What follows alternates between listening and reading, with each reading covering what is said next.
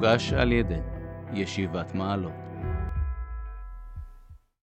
היום היורצייט של הרב חרל"פ זה צדיק, קדוש לברכה. הזכירו לי את זה, ולכן חשבתי שקצת נשוחח על הרב חרל"פ. יש יצא ספר על הרב חרל"פ, נפטר בז' כסלו תשי"ב, הרבה שנים, אבל לא נסלחו. אחת האמירות שיש בספר, בספר עליו, באופן כללי, רק אספר קצת, לא ממש תולדותיו, שנוגע אלינו, הקישור שלו לרב קוק, היה בחג השבועות, דבר מעניין, גם הנזיר וגם הרב חל"פ נקשורי לרב קוק לא בתורה שלו, בשיעורים שלו, אלא בהנהגות שלו. הנזיר שהיה אצל הרב קוק, מספר שהרב קוק היה בשוויץ, הוא ביקש לבוא אליו, הרב קוק הסכים לקבל אותו, ואז הוא, הוא בא, טבע לפני כן, והגיע אל הרב קוק בערב, והרב קוק ישב עם הרב ציודה, ולמדו, ואז הוא נכנס, והם דיברו קצת כל מיני דברים, פילוסופיה, והוא לא התלהב, כן, ככה הוא כותב, הוא לא התלהב, הוא שלמד את הפילוסופיה מהמקור, וה... למד באוניברסיטה, פילוסופיה, הוא לא התלהב מ... מהדברים שהרב קוק דיבר איתו על הפילוסופיה, והלכו לישון. מאוחד בבוקר, כשהוא קם, הוא ראה את הרב קוק אומר את פרשת העקדה, והוא היה ממש פני מלאך, כולו ככה בהתלהבות עצומה, ומיד אחרי שהוא ראה את הרב קוק אומר את העקדה, הוא שלח מיד מכתב, קרוביו, מצאתי לי רב. זהו, זה, ההתלהבות הייתה מזה שהוא ראה את הרב קוק בעקדה, והרב חרל"פ, זה הנזיר, והרב חרל"פ היה לרפואתה, לרפואתו, הוא היה מסתגף מאוד בצעירותו, היה עושה סיגופים ועבודת השם ככה ב, ב, מתוך סיגופים, ועד שהוא ממש חלה מזה. והרופאים אמרו לו שהוא חייב לנסוע, הוא היה ירושלמי, חייב לנסוע לחוף הים, אז הוא עשה ליפו. בחג השבועות הוא היה ב- ביפו, הוא הולך להתפלל בבית כנסת של הרב קוק. קוק, התפללו אחרי לילה של שבועות, התפללו והרב קוק בתור כהן קיבל עלייה, עלייה של כהן, ואמר את ההקדמות, את ההקדמות שהאשכנזים אומרים ככה לפני זה, והוא ראה את הרב קוק אומר את ההקדמות, את כל מילה, איכשהו באיזה התלהבות, באיזה חיות, באיזה, גם כן ראה פני מלאך, וגם כן החליט באותו רגע שהוא מצא רב. עכשיו, הוא היה ממש מהחרדים, היה מאוד שייך בתחילה, אפשר להגיד לציבור הקנאי אפילו בירושלים, אבל ממש הוא ראה את הרב קוק בצורה כזאת, ואחר כך הוא עמד, שכב על הגדר מה שנקרא, מול הקנאים, ממש לשמור על כבודו של הרב קוק ותורתו של הרב קוק. אז זה היה ככה הצורה שבה הוא נפגש עם הרב קוק, ואז הוא הפך להיות ממש תלמיד מובהק של הרב קוק, נהג בו ממש כתלמיד מובהק, כרבו מובהק של הרב קוק. אז באמת הנקודה הראשונה ככה באמת היה פני מלאך, ורבים דיברו על זה, אחד מה... שוב, גם כאנשים מהציבור החרדי, הרב זילברשטיין, שהרב רמת אלחנן בבני ברק, כתב הרבה ספרים, אז הוא בעצמו מספר שהוא בעצמו הוא חתנו של הרב אליושיב, הרב זילברשטיין, אז הוא כותב, חל"פ היה ממש נראה כמלאך השם צבאות. למלאך יש פחד מהשם יתברך והוא מטיל אותו על הברואים. כלומר, למלאך יש איזה סוג של יראה מהקדוש ברוך הוא, וההצלחה של המלאך זה להטיל את הפחד הזה על הברואים, וזה בדיוק היה הרב חרל"פ. מטיל יראת שמיים. המפגש עם הרב חרל"פ היה גורם לסובבים אותו לקבל יראת שמיים. כל מי שנזכר בדמותו של הרב חרל"פ, מיד מקבל על עצמו עול מלכות שמיים. הרב שמואל אוירבך, בנו של רב שלמה זלמן, שלמה זלמן עצמו, הוא היה גם כן תלמיד ככה של הרב חרל"פ, שהרב חרל"פ בשנת שערי חסד, והוא היה שם, והוא ממש תלמידו. הבן שלו, רב שמואל אוירבך, מחבר הספר, נכדו של הרב חרל"פ, רצה לדבר איתו, אז הוא אמר לו, זה פחד, זה אומר שאני מרגיש פחד לדבר על הרב חרל"פ. הרגשה ככה ש... יראה, יראת שמיים, ממש פחד לדבר על הרב חרל"פ. זה ממש...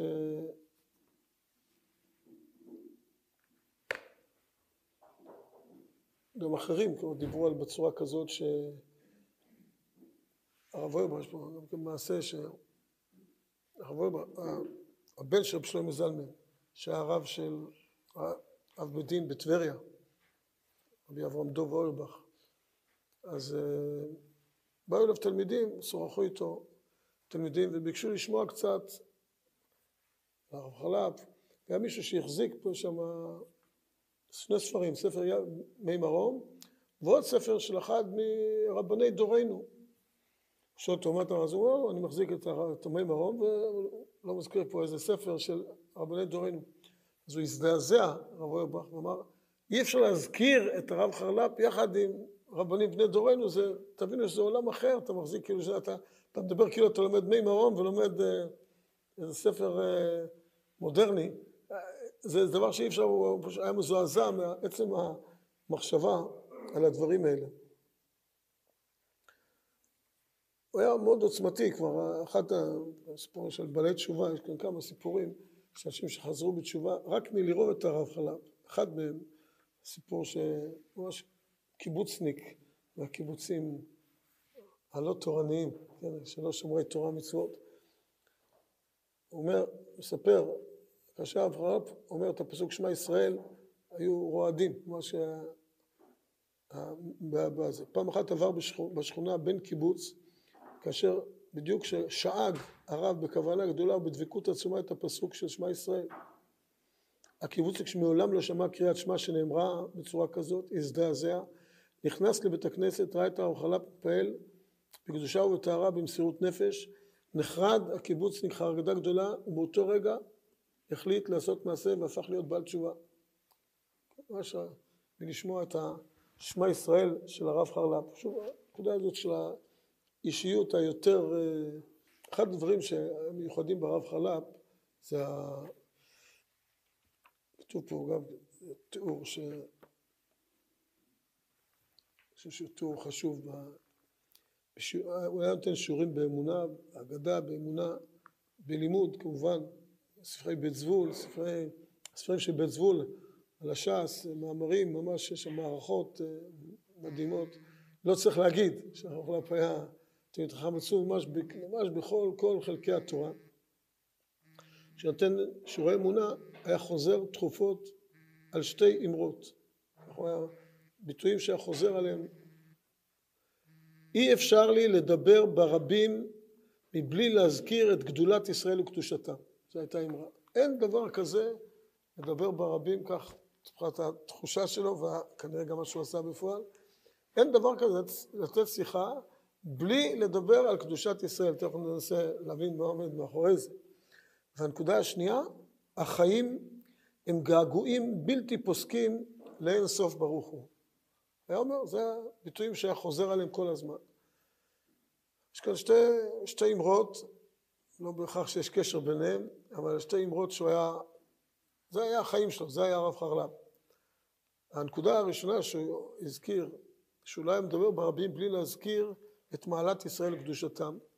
נקודה מאוד מרכזית, הרב ציודה היה חוזר על זה הרבה, להבין, היה חוזר כל פעם, הרב ציודה היה אומר, אשר בחר בנו מכל העמים ומתוך כך נתן לנו את תורתו. מתוך כך זה הביטוי שחוזר עליו בהרבה עניינים, אבל פה ממש שבחר בנו מכל העמים, ומתוך כך נתן לנו את תורתו. להבין שבלי מעלת ישראל, בלי בחירת עם ישראל, בלי הנקודה של ישראל, אין שום גישה אל התורה. מי שניגש אל התורה לא מתוך בחירת הקדוש ברוך הוא בעם ישראל, לא מבין מה זה תורה. כלומר, מה ש... זה כנראה מה שגם הוא מתכוון, זה אותו עניין. כתוב שמחשבתם של ישראל קדמה לכל העולם כולו. ובמשולש הזה ש, שמזכירים, אני חושב שזו נקודה מאוד מרכזית, ש, שזה מה שהוא בא לומר, וזה הצהר חלב, זה החיים. כשאנחנו אומרים תמיד, עם ישראל, בארץ ישראל, על פי תורת ישראל, או תורת ישראל, לעם ישראל, בארץ ישראל, או ארץ ישראל, לעם ישראל, על פי תורת ישראל, איך, מה הסדר? בלי שום ספק, גם לאור הדברים האלה וגם בהבנה הפשוטה, עם ישראל זה הנקודה, הקודקוד, שממנו יוצא תורה והארץ. גם בפועל, הקישור שלנו לארץ ישראל והיכולת לשבת בארץ ישראל והדבקות שלנו בארץ ישראל היא תלויה אך ורק בעם ישראל. כשחס ושלום היה, היו סיפורים של החזרת חלקי ארץ ישראל, נתינת חלקי ארץ ישראל לאויבינו, לגו, לגויים שסביבנו, בלי שום ספק הנקודה היא עם ישראל. כשעם ישראל, יום ישראל היה רוצה, יותר צל, שום דבר לא היה, שעל אדמה אחד לא היה נמסר. וכשעם ישראל פחות נקשר לארץ, אז אותו דבר תורה, התורה, מציאות תורה בעם ישראל, המשכיות, הכל הכל תלוי בעם ישראל, ברצון של עם ישראל. נקודה ממש יסודית, זה, זה עומק העניין של הפנים אל פנים, שאנחנו, ההבנה שעם ישראל וצורת החיים של עם ישראל והחשיבה של עם ישראל והקשר של עם ישראל והאחדות ישראל, כל מה שנוגע לעם ישראל זה הדבר שיקבע את כל מציאותנו עד ביד גואל צדק בעזרת השם הגאולה השלמה. גם משיח הוא תולדה של עם ישראל. גם כל גדולי ישראל זה תולדה, זו מציאות שיוצאת מכלל ישראל, זה לא איזה משהו מנותק. זה מה שאני חושב אני לדעתי זו ודאי כוונתו. אי אפשר לדבר ברבים בלי להזכיר את מעלת ישראל, כי משם הכל מתחיל. כל ערך, כל עניין מתחיל מעם ישראל. מתחיל מהנקודה המרכזית הזאת של קשר אל האומה ושל המציאות הרוחנית של עם ישראל, המצב הרוחני של עם ישראל. זה מה שיקבע כל דבר וכל עניין. זו הנקודה הראשונה. זה כלפי הערכים, כלפי כל המציאות שלנו. כלפי האדם עצמו, החיים הם געגועים בלתי פוסקים לאין סוף ברוך הוא. נבין שזה אדם. החיים, זה מה שאומר בעצם, החיים, הדינמיות של החיים, המשכיות החיים, אלה געגועים, זה הכל נובע מהגעגועים. הרצון הגדול שלנו לחיבור לריבונו שלהם, זה החיים. זה מה שמחיה את האדם, זה, זה המוטיבציה של החיים. כי בלי הרצון לחיות, בלי המוטיבציה הזאת, אין חיים, אדם לא קם בבוקר. לקום בבוקר ולחיות, שהלב פועם ודופק והדם זורם, הכל הכל נובע מהקישור שלנו לבורא יתברך. החרל"פ היה רק מודע לזה וחי את זה. זה גם אצל כל אחד, אין, בלי זה אין, אין חיים בכלל. אדם רק לא מודע לזה, שהוא, שהאמונה שלו, במה שהוא מאמין, באיזה נקודה ש, שבעבורה הוא חי, יש משהו ש, שבעבורו האדם חי. והדבר הזה הוא זה שמניע את כל המציאות שלו. בין אם האדם יודע את זה, בין אם האדם לא יודע את זה. אבל בוודאי ובוודאי שיש משהו שבעבורו האדם חי. והרב חלפ מבטא את זה, זה אותו דבר שאנחנו בעבורו חיים, אין משהו אחר מבלעדי ריבונו של עולם. גם אם אדם חושב על כל מיני ערכים בדרך אל האמונה ואל הגעגועים לאינסוף ברוך הוא, אבל הכל הכל נובע באמת מהנקודה הניצוץ האינסופי, כמו שקוראים לזה גם, זה אפילו מגיע גם לתוך העולם המדעי והמציאות ממש החומרית של העולם. שהפיזיקאים אומרים שהעולם הוא אינסוף, היקום, הגודל שהוא אינסוף, והוא כל הזמן בהתפשטות. מה זו האמירה הזאת? זה, זה הגעגועים האינסופיים לריבונו של עולם. זה התפשטות אינסופית, אותו דבר גם במתמטיקה. מה זה האינסוף? שכל מתחיל משם. אז אומרים שורת המספרים שואפת לאינסוף, ככה הביטוי שלפחות אני שמעתי מהמתמטיקאים. שורת המספרים שואפת לאינסוף. כלומר, המציאות ממש, גם המציאות הפיזית, היא, כל החיות שלה היא מתוך השאיפה, הגעגועים לאינסוף ברוך הוא. אז מה הדבר שאנחנו, גם אנחנו כבני אדם, כחלק, כיצורים בתוך העולם, אנחנו גם כן חלק משורת המספרים, מהמציאות ששואפת לאינסוף. אז זו המציאות בכל מקרה, רק אשרי הרב חלב, כן, ש, ש, שהוא גם חי את זה והוא ביטא את זה. כמו שהרב קוק מביא, למשל, דוגמה לדבר הזה, התחלת מה שבעולת ראייה, במבוא, פרקי המבוא לעולת ראייה, הדבר הראשון שהרב קוק כותב, הנשמה היא תמיד מתפללת. והתפילה שלנו בפועל, אותה תפילה שאנחנו עומדים ומתפללים, היא חלק, היא ביטוי לאותה תפילת הנשמה. קודם כל זו ודאי הרגשה מאוד חשובה בזמן התפילה, שכאילו אתה מבטא מפנימי פנימיותנו, מהנשמה שמתפללת, להבין שכל מילה, לא עכשיו אנחנו ממציאים איזה מילים, וזה בא מהסידור אל הקודקוד שלנו, אלא זה בא מהנשמה אל הפה שלנו. הסידור הוא רק חושף את הרצון של הנשמה. אז הנשמה מתפללת. מה זה התפילה הנשמה? זה אותם געגועים שמדבר עליהם, הגעגועים הבלתי פוסקים לאינסוף. מזה באה התפילה, התפילה היא דבקות בהשם, והנשמה מתפללת. אז זה החיים, כלומר יש כאן שתי, שתי אמרות שהוא היה חוזר עליהן בלי סוף, וזה הנקודה הזאת של, של געגועי האדם מבחינת החיים, וכל ערך, כל דבר שהוא היה מדבר עליו, הוא היה מתחיל איתו בעם ישראל, שזה מחשבתם של קדמה לכל הדברים כולם, ומתוך ישראל היה מגיע לכל הערכים, לכן אי אפשר לדבר ברבים, לדבר על כל נושא ערכי בלי שמזכירים את מעלת ישראל וקדושתם. אחת, ה, אחת החוויות, יצא לי לשמוע את זה מכמה וכמה כיוונים, אבל זה גם מה שנאמר פה בספר, אחת החוויות הגדולות אה, שהיו אצל הרב חרל"פ זה היה שירת הים. הייתה לו מנגינה מיוחדת שהיה שר את שירת הים. בשביעי של פסח הם מתכנסים אצלו וממש מדובר על אלפים רבים, יצא הרבה אנשים, גם שנים כולו, כאלה שעוד, לראות את הרב, לשמוע אותו, אם זה הרב נריה, זכר צדיק לברכה, והרב עמיטל, היו כאלה שם תלמידים שלו, תיארו תמיד אחת החוויות הגדולות ביותר, זו הייתה חוויית שירת הים. אפילו הספר הזה נקרא שירת הים.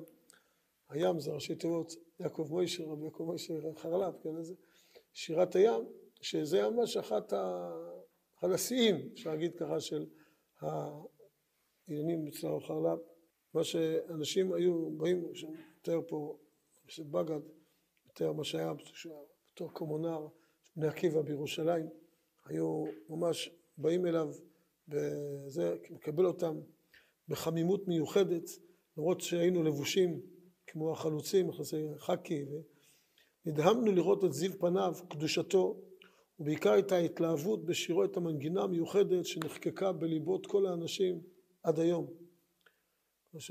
מה שהיה, ידעו כולם, ערב שביעי של פסח, זה אצל הרב חרל"פ לשמוע את שירת הים. זה גם כן דוגמה ככה לאותו עניין כמו שהוא התחבר אל הרב קוק באמירה הזאת של, של ההקדמות, ככה הוא בעצמו, אנשים התחברו אליו ואל תורתו מתוך חוויה של שירה, דווקא של שירה ש, של שירת הים. אחד הדברים ככה שמאוד מלמדים פה, זה באמת דבר מאוד מעניין. כשקראתי פעם ראשונה את הספר, כשהוא יצא, הרגשתי חיזוק גדול באחת הנקודות, שני דברים ככה, שדבר מעניין, שהרב חרל"פ, הבחינה הזאת של תורה שבעל פה, תלמידיו של הרב אוירבך, רב שלמה זין אורבך היה תלמידו במידה רבה של הרב חרל"פ, הוא פסק על פי מעשה רב. אני גם ראיתי אצל הבן שלו, רבי אברהם דוב אוירבך, שהנקודה הזו של מעשה רב, של לדעת איך נהגו, זה היה אצלם התורה. כלומר, אצל גדולי ישראל, אנחנו אה, הרבה פעמים חיים מתוך ספרים. וחיים מתוך ספרים בעצם מאבדים את המהות, ראש ה... של תורה שבעל פה. זה לא סתם שחז"ל אומרים, עת לעשות להשם הפרו תורתך, שעל זה הכתיבה של התורה שבעל פה באה מתוך שהתחילו לשכוח יש הלכה, שדברים שבעל פה יהיה אתה רשאי לומרם בכתב. מאיפה הגיע ההיתר הזה לכתוב את התורה שבעל פה? דרשו את הפסוק, עת לעשות להשם, הפרו תורתך. מותר להפר את התורה בשביל לעשות להשם. אנחנו צריכים להבין את זה ולחיות את זה, שכתיבת התורה זה הפרת תורה. והתורה בצורה האותנטית שלה, בצורה המקורית שלה, היא בעל פה. אתה רואה איך אנשים עושים וככה אתה עושה. ולא כתוב, איזה כל אמירה, כל דבר שכתוב, זהו עכשיו לדורות נחקק. אני יוצא לי כמה פעמים שאצל רבי אברהם דוב אוירבך, זכר צדיק לברכה, אז שכמה דברים שבפועל, נגיד כתוב בהלכה משהו מסוים, הוא אמר בפועל, התפללתי, לא, לא, לא רוצה להגיד על מה, זה לא... אבל לא משנה כמה דברים שממש נהגו, אנשים הקפידו על איזשהו דבר, הוא אומר, תשמע, אני הייתי בירושלים וראיתי את הרב הזה עושה ככה, את הרב הזה עושה ככה, ודברים שלא... וממש, אתה, אתה רואה אנשים שחיים, כמובן זה יכולים להגיד, אחד כמו רבי אברהם דובר, שגדל אצל רב שלמה זלמן, אחר כך ראיתי, רב שלמה זלמן אומר ראיתי, הוא מתכוון לרב חלב, לא כל אחד מאיתנו יגיד ראיתי, זה בדיוק באותה רמה, אבל, אבל, אבל זו, צריך לשאוף לזה, לשאוף לזה, לומר ראיתי, שכך הוא נוהג, כך הוא עושה, ו, ו, וזה עצמו תורה, זה תורה שבעל פה. אז אפשר מאזן אוירבך. פעם, בעת שלמדנו אצל רב שלמה זלמן, עסקנו בדברי המשנה ברורה שכותב, לא יעמוד הקורא את ההפטרה עם אחוריו לספר התורה. הלכה, כתוב שספר התורה מגביהים בדרך כלל, מגביהים מאחורי הבימה, יושבים עם ספר תורה, ואז קוראים את ההפטרה כשאחוריו אל ספר התורה. אז כתוב בשני ברורה שלא יעמוד אדם. תוך כדי הלימוד ציין הרב אורבך, במניין אצל הרב חרל"פ נהגו לעמוד עם הגב כלפי ספר התורה, מכאן שאין בעיה הלכתית לעשות כך. אמרו לו משנה ברורה, הוא אומר ככה, הוא אומר, אני התפלתי הרב חרל"פ, ככה היה התפילה שם. וזה מספיק, כן, זה, זה דוגמה אחת. וכשכתב ראש המזמן מחברתו בהלכות מזוזה, בעניין מזוזת השער, שער, יש שער של כניסה ועולים לבית, אז שער הכניסה אם חייב במזוזה או לא, נותר בתמיהה וכתב, הלא בשער שממנו עולים למדרגות המובילות לבית הרב חרל"פ, לא הייתה מזוזה. גם לאחר פטירת הרב חרל"פ, לא מכר הרב אוירבך לחסרון המזוזה. כך מי שמספר את זה, בעל הסיפור, זה רב אביגדור נבנצל. כן? ששוב, אף אחד מהם לא קט לקניה. והוא מספר שהרב אובר חשב עקרונית לפי מה שכתוב צריך לכאורה מזוזה, לא הייתה מזוזה שם. אתה מבין, הרב חלב שהיה מקפיד, זה על קלה וחמורה, ודאי הוא שם לב לזה, אין, לא שיש הסברים, אבל הוא גם אחרי פטירתו הוא לא מחה על זה, למרות שהוא לפי כל החשבונות ההלכתיים שלו היה צריך, הוא לא אמר לאף אחד לעשות שם מזוזה, כך הוא עושה, הוא לא אמר לאף אחד לעשות מזוזה. להבין שעוסקים עם גדולי ישראל, אין דבר כזה למחות, הוא, הוא עשה והיה מודע למה שהוא עושה, אז, אז זה מנהג, זה נקרא תורה שבעל פה, אתה רואה איך נוהגים וככה אתה נוהג. שזה, אז בטוח, נגיד, אני מעריך, ששלמה זלמן היה לו גם בית שער כזה שעולים, אז הוא היה שם מזוזה בעצמו. אבל הוא לא מחה, וגם גם, גם בחיי חיותו של הרב חרל"פ הוא לא אמר את זה. זה נקרא תורה שבעל פה, כלומר זה אנשים שחיים את עצמם, שלמה זלמן זה ודאי היה ככה, הוא היה כזה, שזו הייתה עיקר מעלתו, האישיות הגדולה שלו, העיקר העניין זה שהוא היה ספר בעצמו, כלומר לא שהוא ציטט ספרים, אלא הוא היה ספר, הוא היה ספר תורה, ו... וזה נקרא תורה שבעל פה, שכל בן אדם הוא ספר, והוא מעביר את הדברים האלה, התורה היא בני אדם, התורה שבעל פה פירושו של דבר שלא אהרון מחזיק את התורה, אלא האנשים מחזיקים את התורה. אם אסור לכתוב, וצריך להבין שזה נשאר, זה לא, התורה עדיין נשארה תורה שבעל פה, גם אחרי שאנחנו כותבים אותה, כותבים לא לשכוח, אבל, אבל היא צריכה, עיקר העניין של התורה תהיה אצלנו, במוח. זה עיקר עניינה של התורה, תהיה במוח, בלב, ב, ב, באישיות של האדם, וכל אחד הוא ספר. זה מאוד בולט ככה, שמתאים ממש שהדברים באים מפי הרב אוירבך לספר על הדברים של הרב אוירבך, ואתה רק לומד מפה את העוצמה הגדולה של, של, של תורה שבעל פה, כן, על אותו משקל גם, יש כאן משפטים ככה שהיו, שהוא אמר אותם, דבר שמעניין שהוא אמר ביטוי כזה, זה פה, הנה גם, מספר הרב שלמה זלמן אוירבך, זה גם סיפור, מי שאומר את זה זה רב אביגדור נבנצל, שליטה, שנשלח לו אריכות ימים. אה, אז הוא כותב, פעם סיפר לנו, אביגדור נבנצל מספר, פעם סיפר לנו הרב שלמה זין אורבך אמרה ששמע מרב שכונתו רבי יוקב מוישה חרל"פ. הוא אומר ככה, זה משפט ככה, מי שלא רוצה להתפלל הולך לכותל, ומי שגם לא רוצה ללמוד תורה הולך לקבר רחל. אל תיקחו את זה כמשפט, לא הלכה ולא שום דבר, אבל יצא ממנו אמרה כזאת. וזה שוב, רב אביגדור מספר. אצל הרב נבנצל, כל גדולי ישראל, ממשיך עליו ואומר, כל גדולי ישראל התפללו בכותל, כלומר הרב חרל"פ גם התפלל בכותל. באותם ימים היה כותל בתנאים אחרים לגמרי מהיום, וגם קבר רחל, הדרך הייתה ארוכה, לקח הרבה זמן, והייתה מבטלת את התלמידים מלימודם. הרב חרל"פ רצה למנוע ביטול תורה הכרוך בדרך הארוכה בכל מה שכרוך בעניין. אז בלי להיכנס, זה כבר התירוץ, ובסדר, נקבל את התירוץ, ו... ושוב אפשר להמשיך להתפלל בכותל ו... וגם לנסוע לקבר רחל. אבל, אבל אמירה כזאת, זה היכולת לומר דבר כזה, שהרב חרל"פ אמר משפט כזה, כשרב אביגדור דוימבצל חוזר על המשפט הזה, שיבדל לחיים ארוכים, זה, זה עוצמה גדולה, היכולת לומר משפטים כאלה, צריך כתפיים מאוד גדולות לומר משפטים כאלה.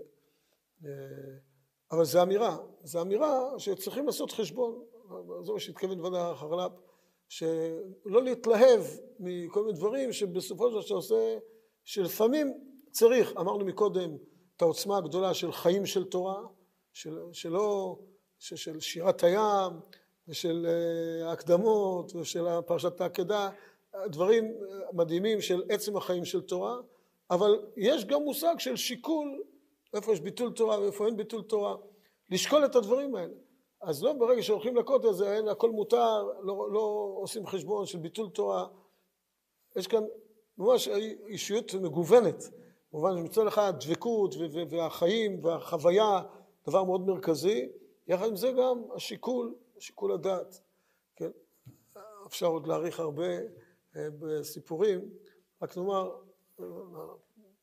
בנושא הזה של לימוד בבלי וירושלמי, אחד הדברים שאחרי שראינו קצת את הדמות, נבין שיש משקל גדול לאמירה של הרב חרל"פ, שמיזוג בבלי ירושלמי מקרב את הגאולה, מסיר כל מריבה וקטטה מן העולם, ותלמידי חכמים כאלה, מילים שלו, ממש ציטוט, תלמידי כאלה העוסקים במיזוג הזה, הם הם תלמידי חכמים האמיתיים, המביאים שלום לעולם ומקרבים את הגאולה.